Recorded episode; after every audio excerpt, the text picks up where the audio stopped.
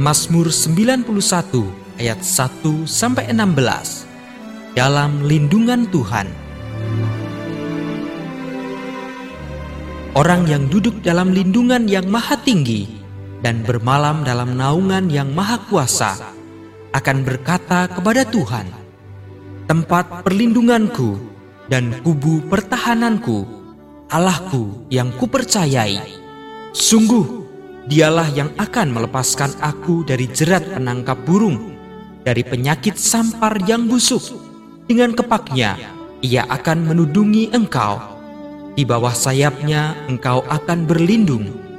Kesetiaannya ialah perisai dan pagar tembok engkau tak usah takut terhadap kedahsyatan malam, terhadap panah yang terbang di waktu siang, terhadap penyakit sampar yang berjalan di dalam gelap, terhadap penyakit menular yang mengamuk di waktu petang.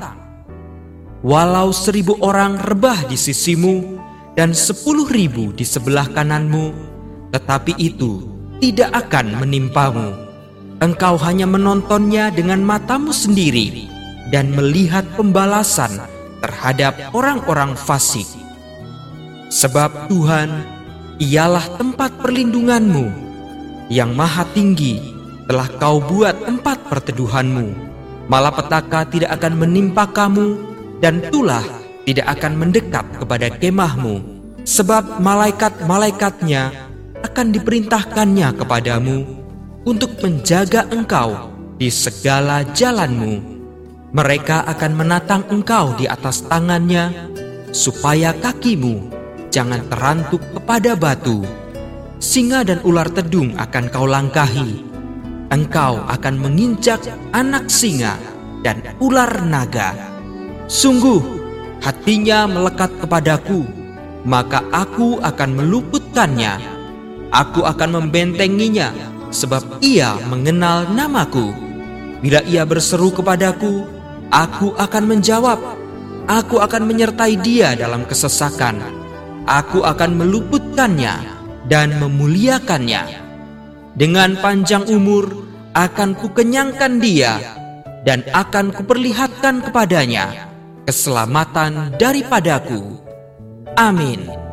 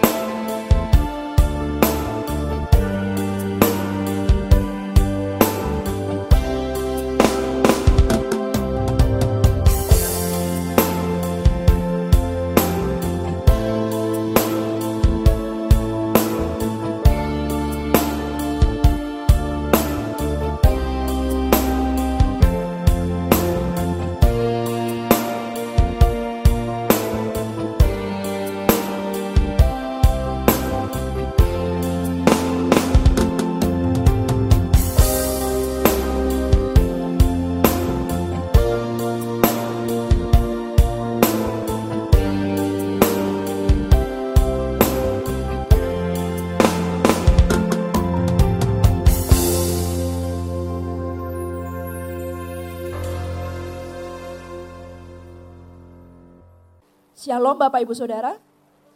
Bagaimana kabar Anda? Ya, luar biasa ya. Uh, saya merasakan bahwa Tuhan itu begitu amat sangat baik ya. Saya merasa bahwa uh, ada beberapa orang di antara Anda sedang dipeluk oleh Tuhan. Saya tidak tahu Anda sedang mengalami apa, tapi uh, saya mau beritahu bahwa Anda tidak sedang sendirian. Ya, kita ini sesungguhnya tidak pernah sendirian sekalipun mungkin kanan kiri depan belakang kita ini kita uh, mungkin sekeliling kita mereka tidak paham apa yang dialami oleh kita gitu ya. Tapi ketahuilah bahwa Tuhan itu mengerti. Katakan amin ya. Karena itu jangan ada seorang pun yang diam di tempat jangan ada seorang pun yang memukul diri tapi maju terus ke depan. Karena Tuhan tidak pernah ada di belakang Tuhan kita itu ada di depan dan dia punya rencana yang ajaib luar biasa dahsyat buat setiap kita. Kasih kemuliaan yang paling meriah buat Allah kita Mari buka sama-sama saya di dalam Matius pasal yang ke-15. Ya, saya uh, siapkan khotbah ada dua, mengucap syukur dan sikap hati. Ya, saya juga akan uh, pagi ini saya ngomong mengucap syukur, ibadah kedua ngomong sikap hati, nanti ibadah ketiga saya ngomong mengucap syukur lagi, lalu ibadah keempat saya mau ngomong tentang sikap hati. Ya, uh, kalau anda mau tahu sambungannya sikap hati, anda bisa, anda sudah ibadah pagi ya, anda bisa lihat di uh, di YouTube karena saya uh, live kan ya di YouTube. Mari buka sama-sama saya di dalam Matius pasal yang ke-15 ayat 32 sampai ayat yang ke-39. Sesudah uh, sudah ketemu katakan puji Tuhan. Oke. Yesus memberi makan 4000 orang.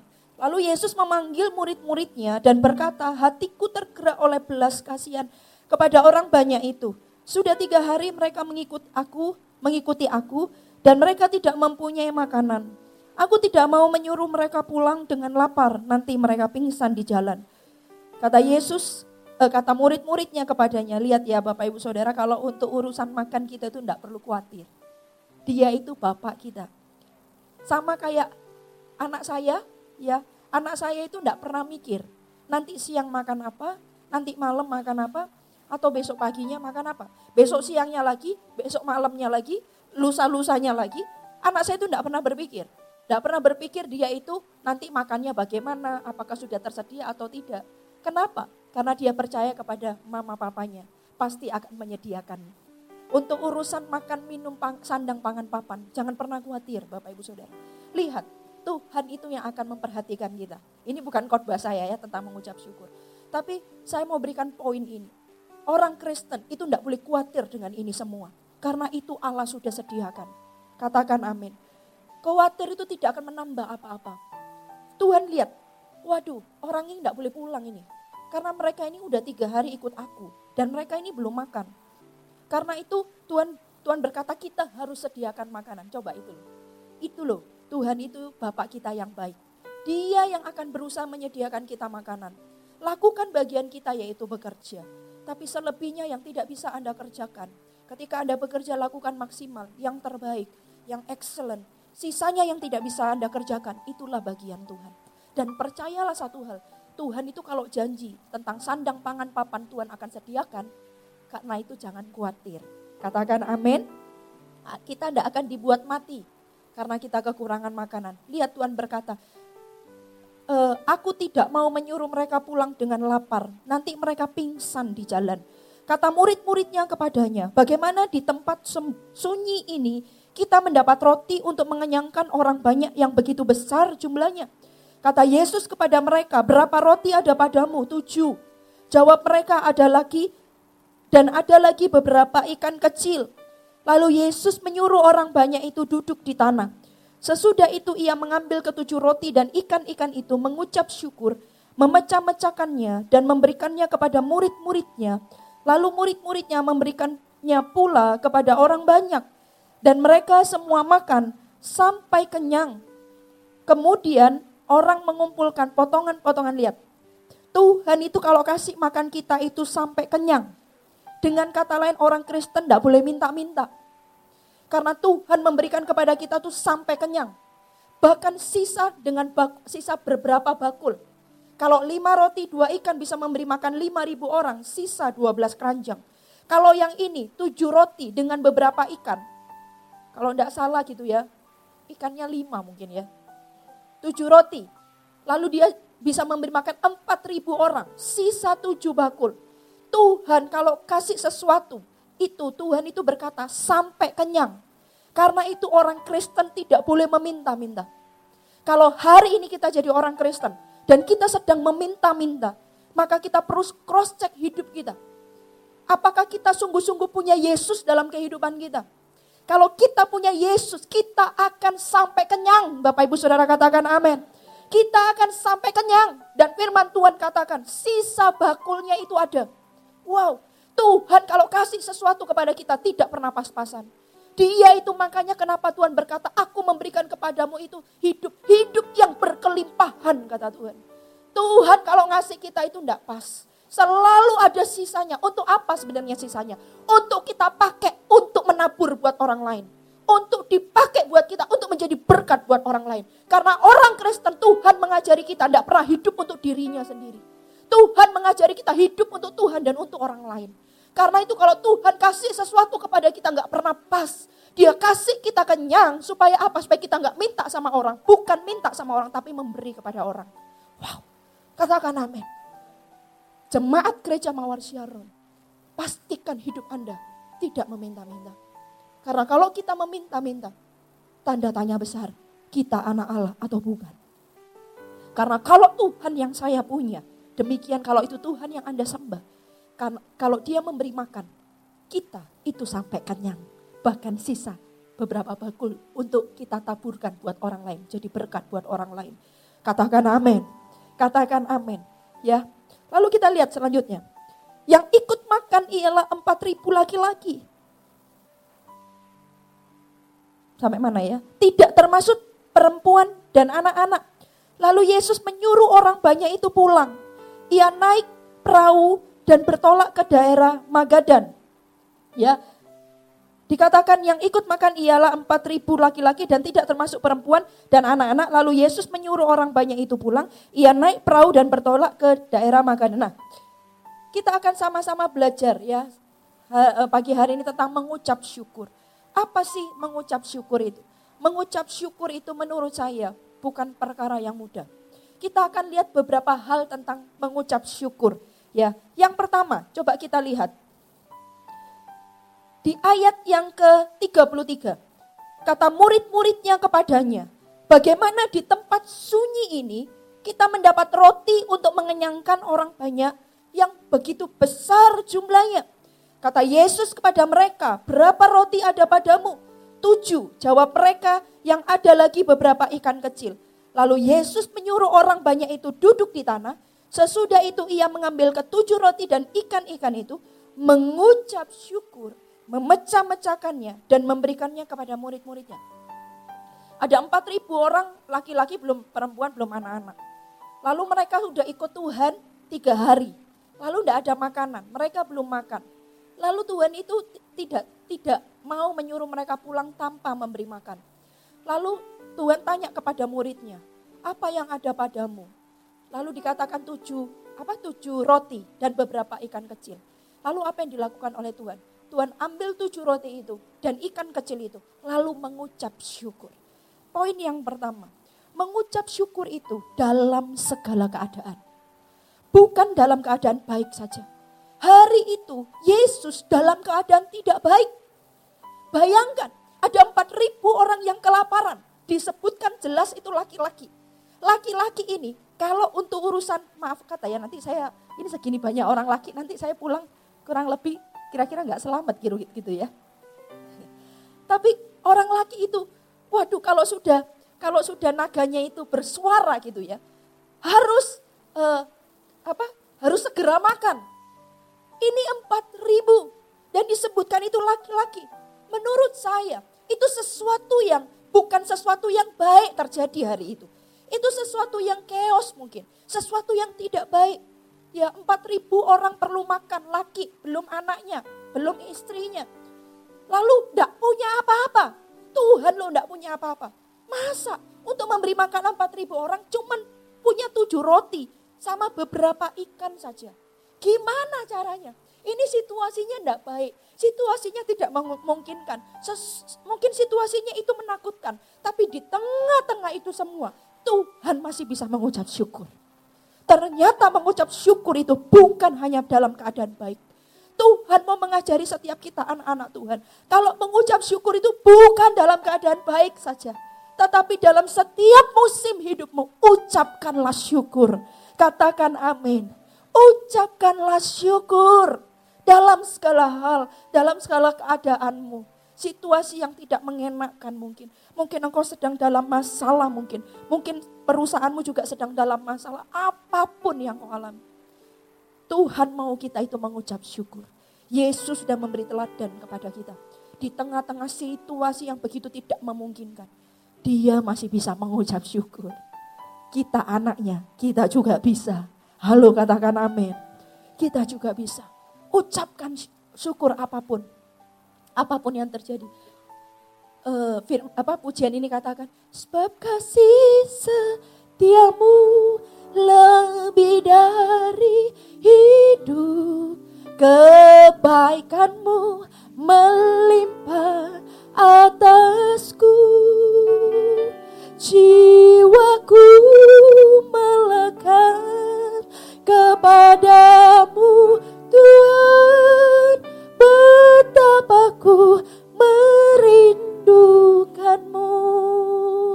Sebab kasih setiamu lebih dari hidup. Kebaikanmu melimpah atasku. Jiwaku melekat kepadamu Tuhan betapa ku merindukanmu naikkanlah ucapan syukur apa pun yang terjadi amin amin Engkau berkata tidak mudah Tuhan. Iya Tuhan mungkin berkata demikian. Tapi bukan berarti engkau tidak bisa. Bersama dengan Tuhan kita pasti bisa.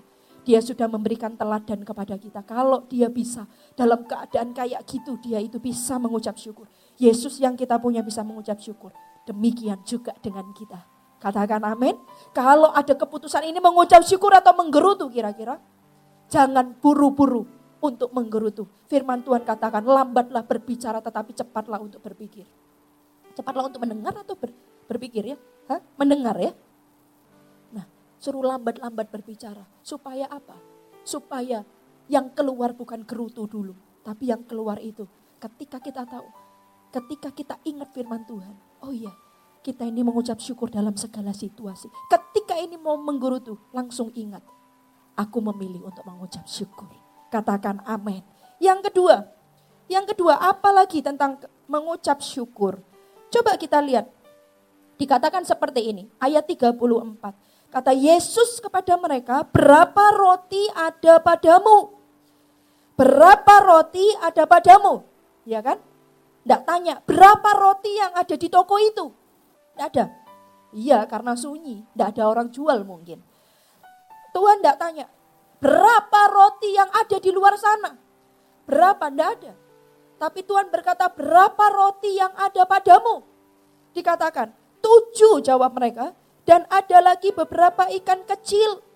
Lalu kata Yesus kepada mereka. Lalu lalu Yesus menyuruh orang banyak itu duduk di tanah. Sesudah itu ia mengambil ketujuh roti. Dan ikan-ikan itu mengucap syukur, memecah-mecahkannya. Orang yang mengucap syukur adalah orang yang fokus dengan apa yang ada padanya, bukan apa yang tidak ada. Halo? Kalau orang itu bisa mengucap syukur di hadapan Tuhan, dia itu tidak akan iri sama orang lain. Kenapa? Karena orang yang mengucap syukur itu adalah orang yang fokus dengan apa yang ada padanya. Sekalipun cuma tujuh roti, sekalipun cuma beberapa ikan kecil. Tapi orang itu fokus dengan apa yang ada padanya. Dan setelah dia fokus dengan apa yang ada padanya, dia mengerjakannya. Firman Tuhan katakan dipecahkan itu roti. Berarti Tuhan mengerjakan itu tujuh roti. Dari itu, dari itu memberi makan empat ribu orang. Bahkan sisa tujuh baku. Oh Bapak Ibu Saudara jangan iri dengan orang lain. Apa yang ada padamu, fokus dengan itu aja. Fokus, kerjakan. Fokus itu tidak ke kanan, tidak ke kiri Bapak Ibu Saudara. Fokus itu mengerjakan dengan setia. Kerjakan dengan tekun. Fokus dengan apa yang ada padamu. Tuhan aku tidak punya ini. Tuhan aku tidak punya itu. Stop kata Tuhan. Karena aku memberkati hidupmu bukan dari apa yang tidak ada padamu, tapi dari apa yang ada padamu. Saya doa sama Tuhan, Tuhan aku punya sembilan gereja, satu ciki dengan 7.400 member yang Tuhan beri. Aku mengucap syukur Tuhan. Aku mengucap syukur. Aku mengucap syukur saya tidak bermegah kepada daerah yang bukan dipatok untuk saya. Itu ada, Paulus katakan. Aku tidak bermegah kepada daerah yang bukan dipatok untukku dengan kata lain. Dia tidak mengarahkan fokus pikiran, hati, pemandangannya itu kepada yang dia tidak punya. Tapi fokus kepada apa yang ada padanya. Halo katakan amin. Apa yang ada padamu hari ini? Fokus pecahkan, kerjakan. Kerjakanlah itu dari situ. Itu namanya mengucap syukur begitu. Dia tidak lihat orang lain, dia tidak iri. Saya ini udah dua kali ditelepon sama seseorang. Ketika waktu saya kalau tidak salah saya mau pelayanan ke Bali atau ke Lombok ya. Oh, ke Lombok pasti bukan. Ke Bali. Ketika saya perjalanan uh, mau ke Bali itu kan saya tunggu pesawatnya di uh, di lounge gitu ya. Lalu saya itu terima telepon dari seseorang ibu. Dia berkata, "Gimana ya? Uh, gimana ya bulan di pekerjaan saya ini? Pekerjaan saya ini ada saingan gitu ya. Itu saingannya ini udah cerita lama. Tetapi saingannya ini semakin menjadi-jadi. Dulu itu saingannya itu coba apa namanya? Coba kasih fitnah. Lalu coba uh, itu bahasa Ibraninya ngepia harga. Do you understand what is ngepia harga? Ya, tahu ya? Itu pokoknya dirusak gitu ya. Fitnah supaya jadi macam toko seperti yang dia jual ini cuma dua di kota itu. Dan yang terbesar itu adalah punya apa punya jemaat ini. Tapi yang satunya itu enggak. Tapi yang satu uh, sebelumnya, yang satunya ini uh, adalah perintis pertama di kota itu. Ya, yang satunya ini bukan jemaat ya, perintis pertama. Tapi ketika jemaat ini mulai buka yang sama, wah diberkati Tuhan luar biasa. Lalu irilah ini, yang orang ini, dia fitnah, dia itu ngepiah harga, pokoknya segala sesuatu itu dilakukan. Lalu ketika waktu saya ke Bali itu dia cerita gimana ya. Sekarang ini dia melakukan apa namanya, uh, jadi pelanggan-pelanggannya itu diajak liburan, gitu ya. Nah sementara ini kan dia tidak ngajak liburan. Pokoknya dibuat gimana supaya supaya uh, konsumen itu belinya kepada dia gitu. Lalu saya bilang, no no saya bilang gini, jangan fokus sama itu. Fokus saja apa yang ada padamu. Saya bilang, fokus saja Jangan lihat itu. Saya bilang, lalu lalu bagaimana? Yang pasti yang pertama jangan sampai nempel di hati. Apa jengkel atau atau marah gitu ya. Lepaskan berkat. Lalu yang kau lakukan adalah fokus aja apa yang ada padamu. Kerjakan. Jangan main di area itu. Kalau kamu Marian, kalau kamu main di area itu, kamu tidak ada bedanya sama orang itu. Orang itu melakukan segala cara untuk menerima berkat, tapi engkau punya Allah yang hebat, saya bilang. Jangan main di area itu. Fokuslah dengan apa yang adamu, jangan fokus kepada itu. Tuhan itu tidak pernah ngajarin kita fokus kepada masalah. Tuhan itu ada masalah besar di depan matanya. Itu hitungannya detik mungkin atau hitungannya menit. Kalau enggak gitu semua orang itu 4000 orang bisa demo, bisa bisa pukulin Tuhan, aku ini lapar mungkin gitu kira-kira ya, lah ya. Tapi Tuhan itu menghadapi masa kritis, masa yang genting. Hari itu juga hitungannya detik mungkin, hitungannya menit mungkin. Tapi Tuhan tidak fokus lihat masalahnya yang lebih besar daripada apa yang dia punya. Dia tidak lihat itu. Dia fokuskan kepada apa yang ada padanya. Dia fokus bukan kepada masalahnya. Saya berkata kepada ibu ini, jangan ik, jangan masuk di dalam situ. Karena kalau ibu masuk di dalam situ, tidak ada bedanya sama orang itu. Engkau anak raja saya bilang. Engkau harus bisa melihat itu perkara kecil. Lakukan apa yang ada. Padamu saja fokus. Nah setelah itu selesai saya doakan. Lalu beberapa hari baru kemarin kalau nggak salah. Atau dua hari yang lalu. Ibu ini telepon kembali. Lalu cerita. Waduh, lalu ibu ini berkata, saya ini sudah tidak mampu rasanya. Pikiran saya ini kacau, hati saya ini cuengelnya luar biasa gitu ya. Karena dia melakukan lebih lebih uh, maksudnya itu persaingan bisnis bisnis yang tidak baik gitu. Lalu saya bilang kayak gini, ibu percaya kepada saya, fokus saja apa yang ada padamu. Saya bilang gini, energimu untuk marah sama dia, energimu untuk kecewa sama sainganmu, energi yang sama, pakai itu untuk besarkan apa yang ada padamu. Energi yang sama itu pakai untuk fokus dan mengerjakan apa yang ada padamu, saya bilang gitu. Jadi kalau orang itu fokus untuk menghancurkan ibu, Anda fokus untuk besarkan tokomu, saya bilang. Fokus untuk mulai masuk ke desa-desa kecil. Fokus untuk sales-salesnya sampai ke sana. Saya ajarin strategi sedikit-sedikit padahal saya ini bukan toko gitu ya. Tapi saya kan hamba Tuhan. Ada urapan. Lalu saya bilang seperti itu, energimu yang sama untuk kamu marah sama orang itu. Jangan marah sama orang itu, tapi energi yang sama itu pakai untuk membesarkan tokomu, saya bilang gitu. Fokus dengan apa yang ada padanya. Bapak, ibu, saudara, apa yang Anda punya? Fokus. Fokus dengan itu aja. Nggak usah menginginkan menginginkan barang milik orang lain. Tidak usah menginginkan jabatan milik orang lain. Karena Tuhan tidak sedang, Anda tidak sedang punya jabatan itu. Apa yang ada padamu hari ini? Kerjakanlah itu. Orang mengucap syukur itu fokus dengan apa yang ada padanya, bukan apa ya, bukan masalahnya, bukan juga apa yang tidak ada padanya. Amin. Amin. Fokus. Sama seperti Yusuf dia fokus. Fokus saja. Di penjara dia fokus dengan apa yang ada padanya. Ketika dia di rumah Potifar dia fokus dengan apa yang ada padanya. Fokus itu aja. Namanya janji itu tetap janji. Kalau Tuhan janji kepada kita, kita akan terus naik bukan turun. Kita akan menjadi kepala bukan ekor, lebih dari pemenang. Itu janji, tetap akan menjadi janji. Dan itu akan digenapi. Halo katakan amin, kasih kemuliaan yang paling meriah buat Allah kita. Tinggal tunggu waktunya Tuhan saja. Itu saya akan bahas di sikap hati. Tinggal tunggu waktunya Tuhan saja. Kita tidak boleh salah. Kita tidak boleh salah pikiran ini set dengan apa yang ada padaku. Bukan apa yang tidak ada. Amin Bapak Ibu Saudara. Oh saya percaya. Kalau semua jemaat gereja Mawar Sharon Sidoarjo menset hati dan pikirannya dengan apa yang ada padanya. Tidak akan ada orang minta-minta tidak akan ada orang yang berkata, kenapa hidupku seperti ini? Kenapa aku kayak gini? No, karena, karena orang yang ngomong kayak gitu, orang itu tidak mengucap syukur. Dan orang yang tidak mengucap syukur berarti dia fokusnya bukan dengan apa yang ada padanya. Tapi orang lain, apa yang ada di orang lain itu fokusnya.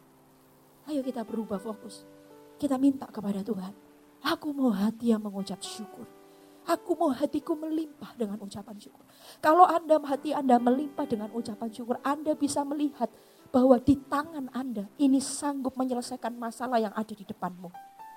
Di tanganmu tujuh roti dan beberapa ikan kecil ini sanggup menyelesaikan semua ini. Bahkan sisa tujuh bakul. Katakan amin. Katakan amin. Masalah itu tidak akan pernah lebih besar daripada kita. Tuhan berkata kuk yang kupasang itu ringan dan enak. Tidak ada masalah yang besar yang tidak bisa diselesaikan. Halo katakan amin. Kenapa tidak bisa selesai? Karena mungkin fokus kita itu salah. Mungkin hati kita salah. Kita perlu betulkan di hadapan Tuhan. Amin. Anda diberkati Tuhan? Amin. Yang ketiga, apa itu mengucap syukur? Ya, yang ketiga. Dikatakan seperti ini.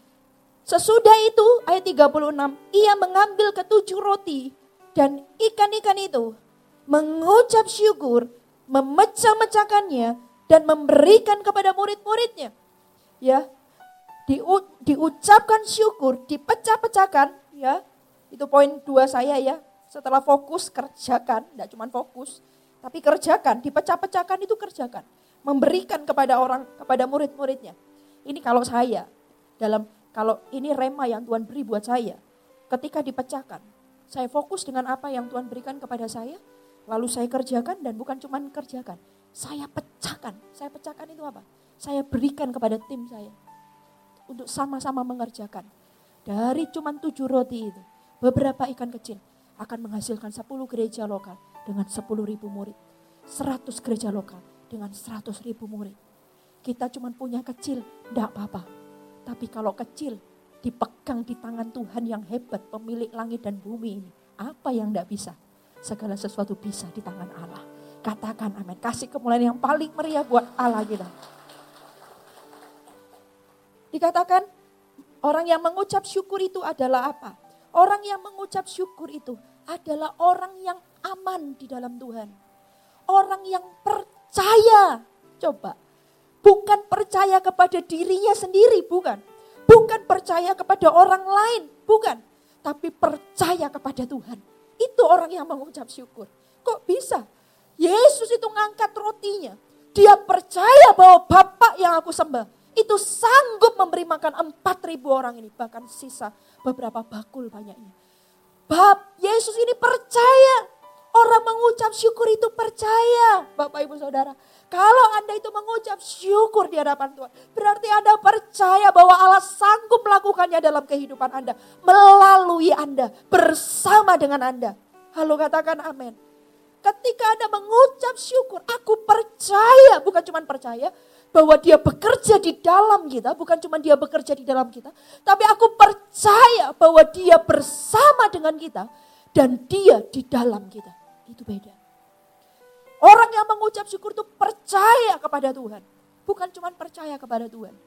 Ya, tapi dia itu bersama dengan kita, dia ada di sebelah kita, mendampingi setiap langkah kita dan bukan cuma di sebelah kita, tapi dia di dalam kita. Sehingga apa yang tidak mungkin, semua itu mungkin. Itu mengucap syukur. Mengucap syukur itu ada tiga tahap. Percaya kepadanya, percaya dia bersama dengan kita, dan bukan cuma itu, percaya dia ada di dalam kita. Itu orang mengucap syukur. Dan itu beda. Saya kemarin waktu ibadah women, saya ngomong bahwa Orang percaya kok bisa percaya ya karena orang itu kenal. Betul enggak? Kenapa kita bisa percaya karena kenal? Kalau Anda percayakan uang Anda kepada seseorang itu kenapa? Karena Anda kenal dia. Betul enggak? Bukan karena Anda cuma tahu dia. Halo, adakah orang di tempat ini? Kalau Anda percayakan uang Anda kepada seseorang, itu karena Anda kenal dia. Bukan cuma tahu, kenal. Sehingga Anda percayakan. Kok bisa Anda kenal karena ada hubungan? Pasti bukan cuma satu hari, dua hari ketemunya. Tapi sudah mungkin bertahun-tahun Anda tahu kelemahannya, Anda tahu kekurangannya. Sehingga Anda kenal orang itu. Anda tahu orang ini bagaimana. Sehingga Anda percayakan itu kepadanya. Nah, kalau orang mengucap syukur itu, dia tuh percaya kepada Tuhan. Tuhan itu bersama dengan dia. Dan Tuhan itu di dalam dia. Kok bisa tahu kayak gitu? Karena orang ini kenal sama Tuhannya. Dan kenal itu tidak bisa satu dua hari. Kenal itu ada hubungan. Bagaimana kalau orang cinta Tuhan sungguh-sungguh. Orang itu diper sama Tuhan. Maksudnya orang itu benar-benar hidupnya dekat dengan Tuhan. Tidak dari mulutnya tidak akan pernah keluar yang namanya keluh kesah. Dari mulutnya tidak akan pernah keluar keluhan. Tapi yang dia keluar dari mulutnya itu adalah ucapan syukur. Kenapa? Karena dia kenal siapa bapaknya. Tuhan, aku tahu masalahku ini tidak mudah. Tapi aku percaya Allah akan turut serta. Aku percaya. Terima kasih Tuhan, aku boleh ngalami ini. Aku sedang dilatih Tuhan. Beberapa hari ini saya itu dalam satu hari bebarengan ada dua orang direct message ke Instagram saya. Dan dua-duanya itu adalah orang yang sakitnya sama, yaitu autoimun.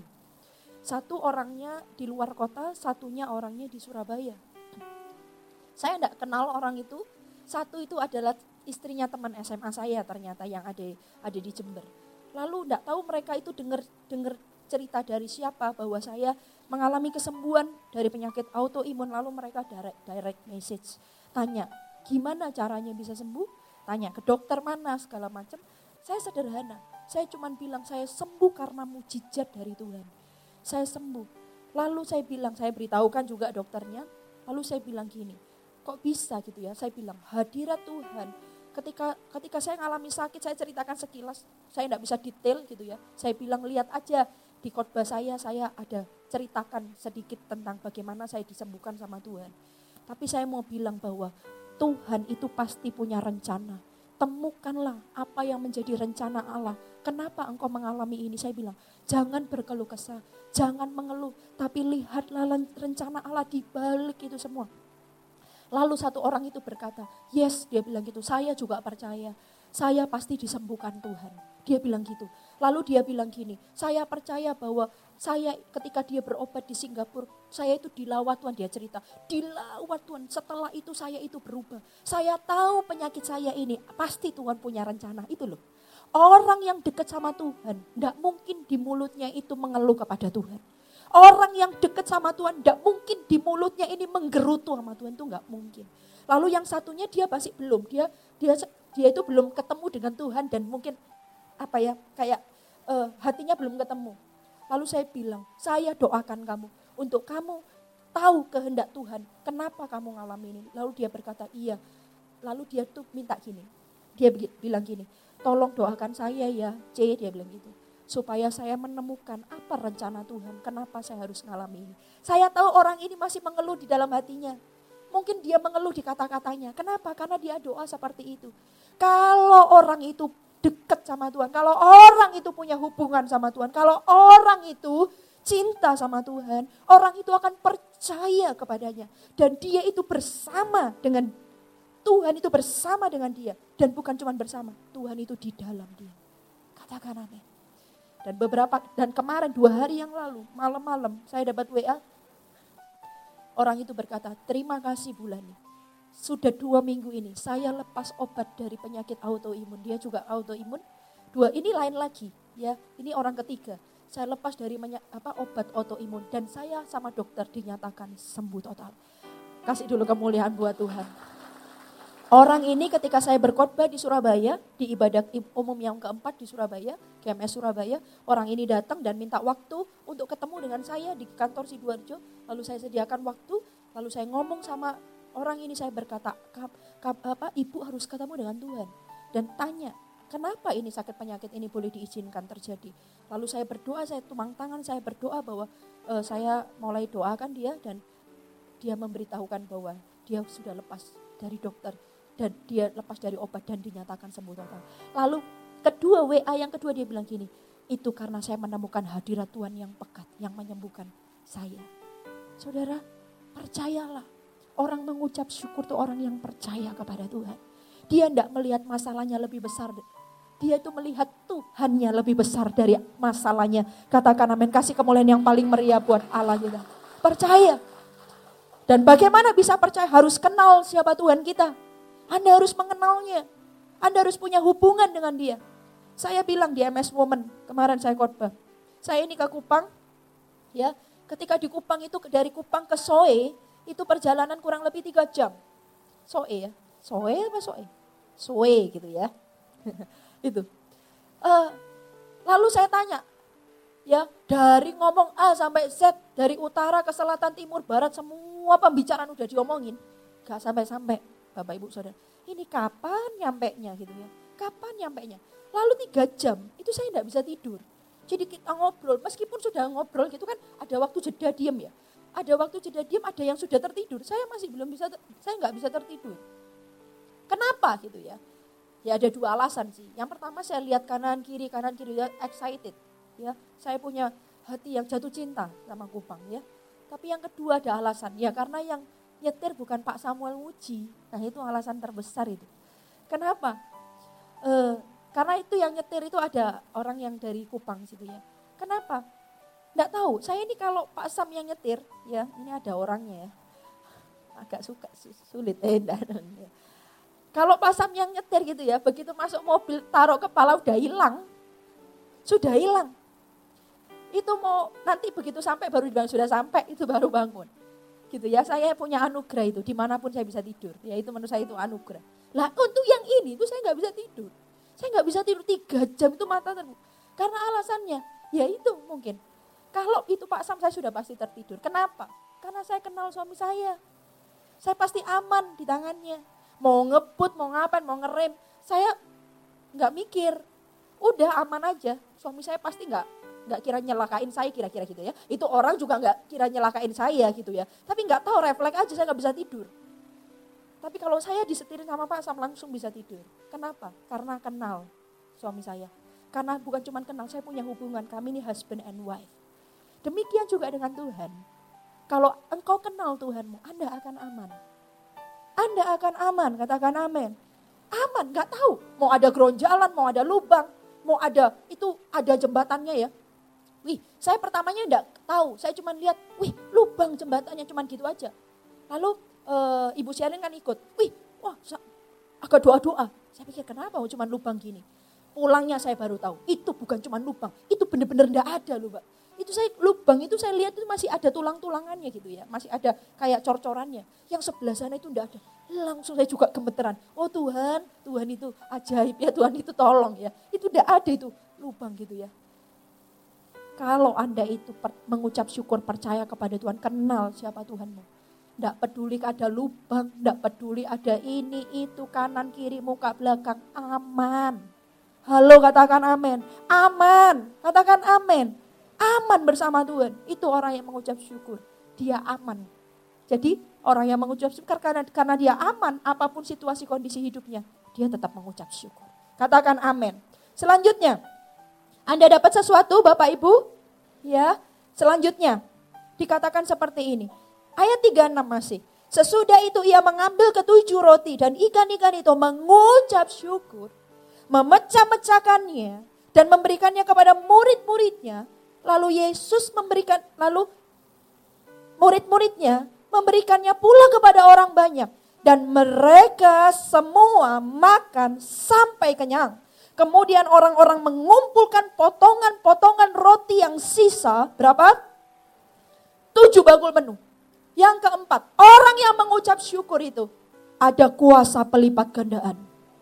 Halo katakan amin. Oh ajaib ikut Tuhan. Makanya kenapa ada banyak orang tidak mau ikut Yesus, malah ikut orang-orang pinter. Orang pinter tidak bisa buat kayak gini. Kalau ini dicari dunia tentang pelipat gandaan, Orang dunia kalau tahu kebenaran itu ada di dalam Tuhan, bahwa Tuhan itu Allah yang sanggup melipat gandakan, orang itu tidak akan cari di luar sana. Tapi herannya banyak orang Kristen itu cari di luar juga. Cari di orang pinter, cari di sana sini. Hei, itu ada di sini. Halo katakan amin.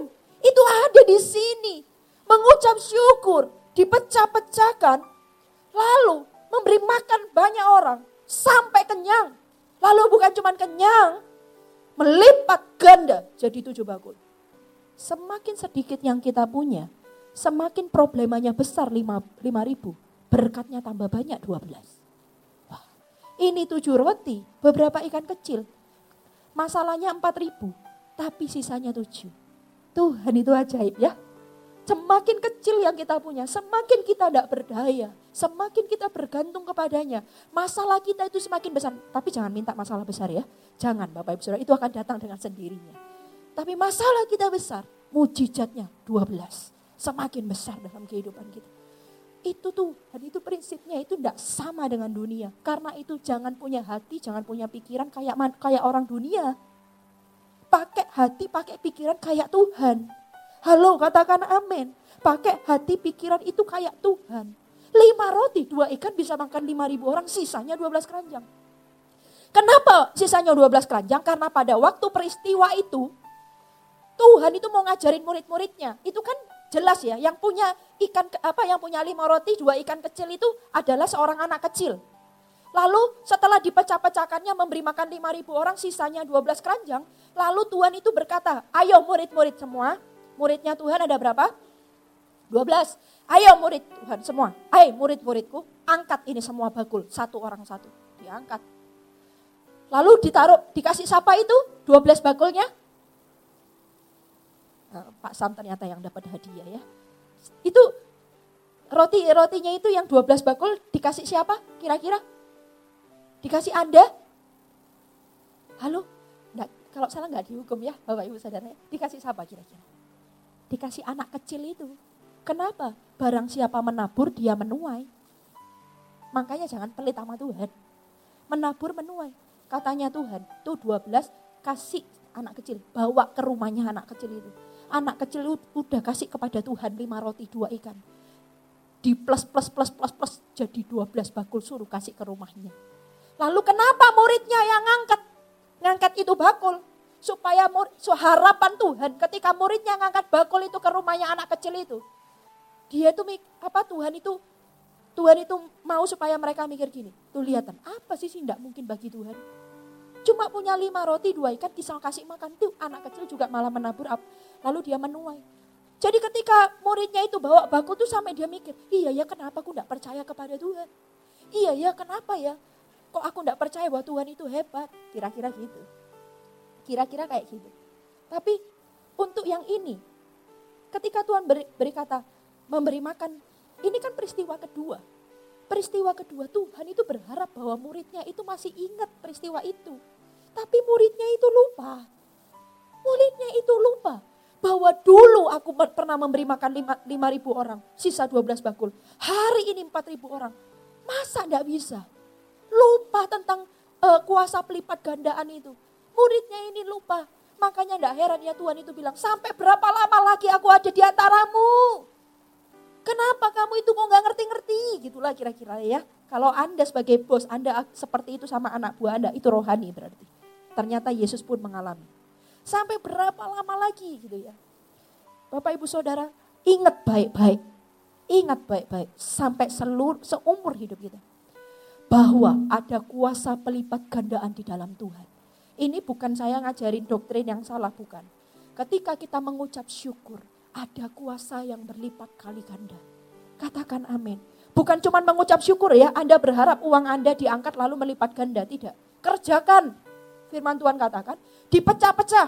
Kerjakan, dibagi. Itu sistem investasi dikerjakan. Itu itu ada saya dapat pewahyuan baru lagi. Tapi maksudnya itu kerjakan. Apa yang ada padamu itu kerjakan. Lalu sisanya Tuhan yang memberi berkat, yaitu berkat pelipat gandaan dalam kehidupan kita. Katakan amin. Filipi 4 ayat 6 coba. Filipi 4 ayat 6. Coba bisa dibantu? Janganlah hendaknya kamu khawatir tentang apa pun juga. Nah ini Tuhan ngomong ya. Tetapi nyatakanlah dalam segala hal keinginanmu kepada Allah. Dalam doa, lihat. Jangan kamu khawatir tentang apa pun juga wah ini sudah digaris bawahi loh sama Tuhan. Apa pun, pasangan hidup, keluarga, masa depan anak, apa yang bisa Anda sebutin semua. Tuhan berkata jangan khawatir tentang apa pun juga. Tetapi nyatakanlah dalam segala hal keinginanmu kepada Allah dalam doa dan permohonan dengan apa? Dengan ucapan syukur. Kalau cuma sampai doa saja, ya Doa orang benar bila dengan yakin didoakan sangat besar kuasanya. Menurut saya kalau kita doa saja menghasilkan sesuatu. Tapi kalau doa dengan ucapan syukur itu menghasilkan pelipat gandaan. Itu bedanya. Orang bisa berdoa, doanya dijawab Tuhan. Tapi kalau Anda mau doa Anda bukan cuma dijawab Tuhan, tapi berlipat kali ganda. Doakan dengan ucapan syukur. Itu akan menghasilkan pelipat gandaan. Saya angkat tabungan saya dengan Pak Sam. Ini lima roti dua ikan Tuhan. Mau menikah modalnya cuma dua juta. Gimana caranya? Ini lima roti dua ikan. Aku mengucap syukur. Boleh punya ini daripada tidak punya sama sekali. Itu kan bayangan saya. Saya meng, karena kalau orang mengucap syukur itu fokus dengan apa yang ada padanya, bukan apa yang tidak ada. Saya mengucap syukur Tuhan. Dan aku percaya lima roti dua ikan ini bisa memberi makan. Tidak lima ribu ya. Saya tidak undang orang lima ribu orang enggak. Tapi lima roti dua ikan ini pasti bisa buat kami menikah. Bahkan sisa dengan bakul-bakulnya. Ketika kami menikah dan saya itu puas, kenapa? Karena seperti menjadi kerinduan. Ya, lalu bukan cuma itu sisa. Kami bisa kontrak rumah, kami bisa beli perabot isi rumahnya, saya bisa beli lemari, bisa beli tempat tidur, bisa beli sofa. Jadi waktu itu saya itu kan dari Jember, waktu itu menikah di Surabaya. Beberapa hari masih semingguan masih ada di Surabaya, lima hari mungkin ya karena kita tidak melewatkan hari Minggu. Nah itu setelah menikah gitu ya, jalan-jalan di mall yang dulu itu udah besar, sekarang mallnya tambah banyak ya. Di dekat Cempaka situ ya. Tahu ya mall apa ya? Nah Sampai di sana ternyata ada pameran sofa gitu ya. Wah saya seneng. Langsung, gimana beli? Beli gitu ya. Saya lalu tolong dikirim ke Jember. Wah kita bayar ongkos kirimnya. Bisa beli sofa, bisa beli meja makan, bisa beli tempat tidur, plus kasurnya, bisa beli lemari. Itu coba bayangkan. Kalau ndak sisa sama bakul-bakulnya, kira-kira saya itu habis menikah bawa ransel, sudah. Ini mau tidur di mana kira-kira ya? Ini ma, ini mau duduk di mana kira-kira? Ini lemari mau ditaruh mana? Dari sini aja. Ambilnya dari apa dari tas ini lalu kembaliin gitu. Tuhan itu loh kalau kasih makan sampai kenyang. Tidak cuman kenyang sisa berbakul-bakul. Oh kok tidak ada ketepuk tangan buat Tuhan itu loh Bapak Ibu Saudara. Kasih tepuk tangan buat Tuhan. Yang lebih luar biasa lagi buat Allah kita. Tuhan itu kayak gitu. Saya percaya kepadanya. Dia itu ajaib. Halo katakan amin. Kok bisa 4 ribu, sisa 7 bakul. Karena itu jangan khawatir. Sudah, khawatir itu harus dipangkas dalam kehidupan Anda. Harus. Kenapa? Karena itu tidak bisa. Karena khawatir itu tidak bisa membuat kita masuk di dalam rencananya. Coba lihat, ini rencananya begitu ajaib dan dahsyat. Wow, katakan amin. Ucapkanlah syukur di hadapan Tuhan. Mengucap syukur. Ayo ucapkanlah syukur. Ketika saya menyiapkan firman Tuhan ini, apa yang Tuhan mau bangun kepada jemaat gereja Mawar Syaron? uh, Sidoarjo, Tuhan berkata, aku pengen anakku itu mengucap syukur. Itu aja. Aku pengen hati mereka limpah dengan ucapan syukur. Pagi hari ini minta kepada Tuhan. Tuhan aku mau minta hati yang mengucap syukur. Aku mau Tuhan. Aku mau hati yang mengucap. Minta. Minta kamu akan dikasih sama Tuhan. Cari kamu akan mendapat kata Tuhan. Ketuk pintu akan dibukakan bagimu. Halo katakan amin. Jangan minta kepada manusia. No. Jangan minta kepada orang. Jangan minta kepada koneksi, kepada pimpinan. Jangan minta kepada mereka. Mintalah kepada Tuhan. Suatu ketika saya itu ditegur Tuhan. Saya ditegur Tuhan. Saya juga ada masa di mana saya bisa kepleset gitu ya. Lalu saya ditegur Tuhan. Ketika saya ngomong sesuatu gitu ya. E, ketika saya selesai dari pertemuan itu. Sepanjang selesai saya ngomong. Sepanjang saya selesai ngomong itu. Hati saya tidak sejahtera hati saya galau, ya, hati saya nggak enak. Sepanjang selesai dari pertemuan itu, di, di ketika saya perjalanan pulang, ketika sampai di rumah, ketika saya mulai uh, siapkan makan buat anak-anak, hati saya nggak enak. Hati saya kalau saya bilang, ngapain saya ngomong? Ngapain saya ngomong itu? Karena kalau saya ngomong seperti itu, saya mengandalkan manusia. Saya lupa kepada Allah saya. Saya lupa kepada Tuhan. Saya lupa bahwa dia Allah yang sanggup melipat gandakan.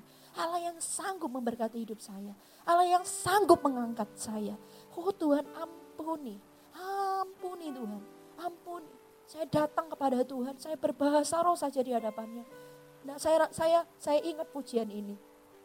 Dari dari depan saya suka kata-katanya dari depan. Ya Allah engkau kerinduanku selalu ku cari wajahmu Tuhan seperti tanah yang kering rindukan air demikianlah jiwaku rindu engkau. Ku memandangmu di tempat kudus dan ku melihat kemuliaanmu. Ku berdiam naungan sayapmu dan ku dapati kekuatan baru. Sebab kasih setiamu lebih dari hidup. Kebaikanmu melimpah atasku jiwaku kepadamu Tuhan betapa ku merindukanmu. Saya di kamar doa saya, saya nangis di hadapan Tuhan. Saya angkat pujian ini. Ampuni aku Tuhan, ampuni aku. Saya nangis di hadapan Tuhan. Ini akan terjadi sekali dalam seumur hidupku. Tidak akan pernah lagi. Tidak akan pernah lagi. Saya lupa bahwa Tuhan yang saya punya itu ajaib. Saya lupa bahwa dia Allah yang peduli dalam hidup saya. Saya lupa hari itu. Sehingga saya berseru kepada manusia bukan kepada Tuhan. Saya lupa bahwa saya punya Allah yang hebat dan dahsyat. Saya lupa hari itu selesai bukan selesai meeting itu, selesai saya mengucapkan itu, detik selesai saya mengucapkan itu, hati saya langsung tidak enak. Hati saya langsung tidak enak. Saya berkata, ampun ya aku Tuhan. Sepanjang hari itu saya tidak enak. Saya tunggu untuk saya masuk kamar doa saya dan berseru kepada Tuhan. Saya tidak ngomong apa-apa. Saya tidak membenarkan diri. Saya tahu saya salah. Itu saja sudah cukup. Dan saya datang kepada Tuhan. Ampuni aku Tuhan. Saya angkat pujian ini. Kasih setiamu itu lebih daripada hidup. Engkau itu apa? Engkau itu Allah Immanuel, Allah yang beserta. Bapak Ibu Saudara, pendeta juga manusia. Saya belajar arti mengucap syukur itu apa. Ini bukan cuma teori, tapi ini saya kerjakan dalam kehidupan saya. Mengucap syukur dengan apa yang ada padamu. Bukan dengan apa yang tidak ada padamu. Thank God. Terima kasih Tuhan. Terima kasih Tuhan. Terima kasih. Saya angkat apa yang saya punya. Aku tidak punya apa-apa. Tapi kalau aku masih punya tenaga. Aku masih punya waktu di hidup ini ya Tuhan. Aku akan persembahkan bagi Tuhan. Aku masih punya mulut ini. Aku masih punya tangan ini. Aku masih punya kaki ini. Pujian ini saya datang kepada Tuhan. Diakhiri dengan apa? Diakhiri dengan Tuhan ku berikan hidup ini untuk engkau. Pakai. Saya ini tidak punya apa-apa. Saya tidak punya kekuatan apa-apa. Saya tidak punya kelebihan. Mungkin orang lain lebih hebat. Lebih dahsyat mungkin. Saya tidak punya. Saya percaya apa yang ada padaku, Tuhan akan mengerjakannya. Apa yang ada padaku, dia akan sanggup membuat berlipat kali ganda. Katakan amin. Kalau saya percaya Allah yang saya punya seperti itu. Demikian juga dengan Anda, kita punya Allah yang sama. Kasih kemuliaan yang paling meriah buat Allah. Ada kuasa pelipat ganda. Ada kuasa pelipat ganda. Mari coba kita angkat tangan kita demikian kita tutup mata kita, kita pandang ke surga. Tidak ada tidak ada kepala yang tertunduk, tidak ada kepala yang tertunduk. Semua melihat surga. Kalau Anda tertunduk, saya mau katakan kepadamu, Tuhan sudah memerdekakan engkau. Tuhan sudah membebaskanmu. Tidak ada lagi intimidasi, tidak ada lagi belenggu dalam hidupmu. Karena itu tidak boleh tertunduk malu. Tidak boleh tertunduk malu. Angkat kepalamu ke surga. Angkat tanganmu dan berkatalah sesuatu kepadamu. Tuhan ini lima roti dua ikan yang kami punya. Tuhan ini yang kami punya hidup kami semuanya Anda bisa sebutkan apa yang kau punya Tapi aku percaya hari ini aku mengucap syukur Aku mengucap syukur Tuhan Ampuni kami yang menggerutu Ampuni kami yang tidak pernah mengucap syukur Ampuni kami yang selalu membandingkan berkat kami dengan orang lain. Ampuni kami yang selalu berkeluh kesah melihat apa yang tidak ada pada kami. Bukan melihat apa yang ada pada kami. Ampuni kami Tuhan biar hati kami limpah dengan syukur. Thank God. Terima kasih. Terima kasih. Terima kasih. Aku berdoa buat setiap tangan-tangan yang terangkat ini. Lipat kalikan ganda Tuhan. Karena urusan lipat kali ganda bukan urusan manusia. Itu urusan Tuhan. Biar hari ini Tuhan melipat kali gandakan apa yang ada di tanganmu. Apa yang ada di hidupmu. Kasih kemuliaan yang paling meriah buat Allah. Yang terakhir, mengucap syukur itu bicara tentang apa? Mengucap syukur itu adalah sikap hati. Itu bukan kata-kata. Mengucap syukur itu adalah sikap hati. Sikap hati bersyukur. Orang bisa ngomong gini, iya saya ini bersyukur sama Tuhan. Tapi kalau hatinya tidak bersyukur, tidak akan terjadi apa-apa. Ucapan syukur itu bukan ucap syukur. Ucap itu kan pakai bibir. Tapi ucapan syukur itu bukan cuma bibir yang Tuhan mau. Ucapan syukur itu tembus dari sini. Karena dari sini akan keluar di sini. Karena kalau kita mengucap syukur saja tapi tidak dari sini, tidak akan terjadi apa-apa. Ucapan syukur itu harus dari sini. Dan ketika ucapan syukur dari sini akan terpancar di mulut kita. Hatimu jahat, mulutmu jahat. Hatimu baik, mulutmu baik. Hatimu negatif, mulutmu akan negatif. Hatimu pahit, mulutmu akan pahit. Tapi kalau hati itu penuh dengan ucapan syukur, mulut kita akan penuh dengan ucapan syukur. Katakan amin. Kasih kemuliaan yang paling meriah buat Allah kita.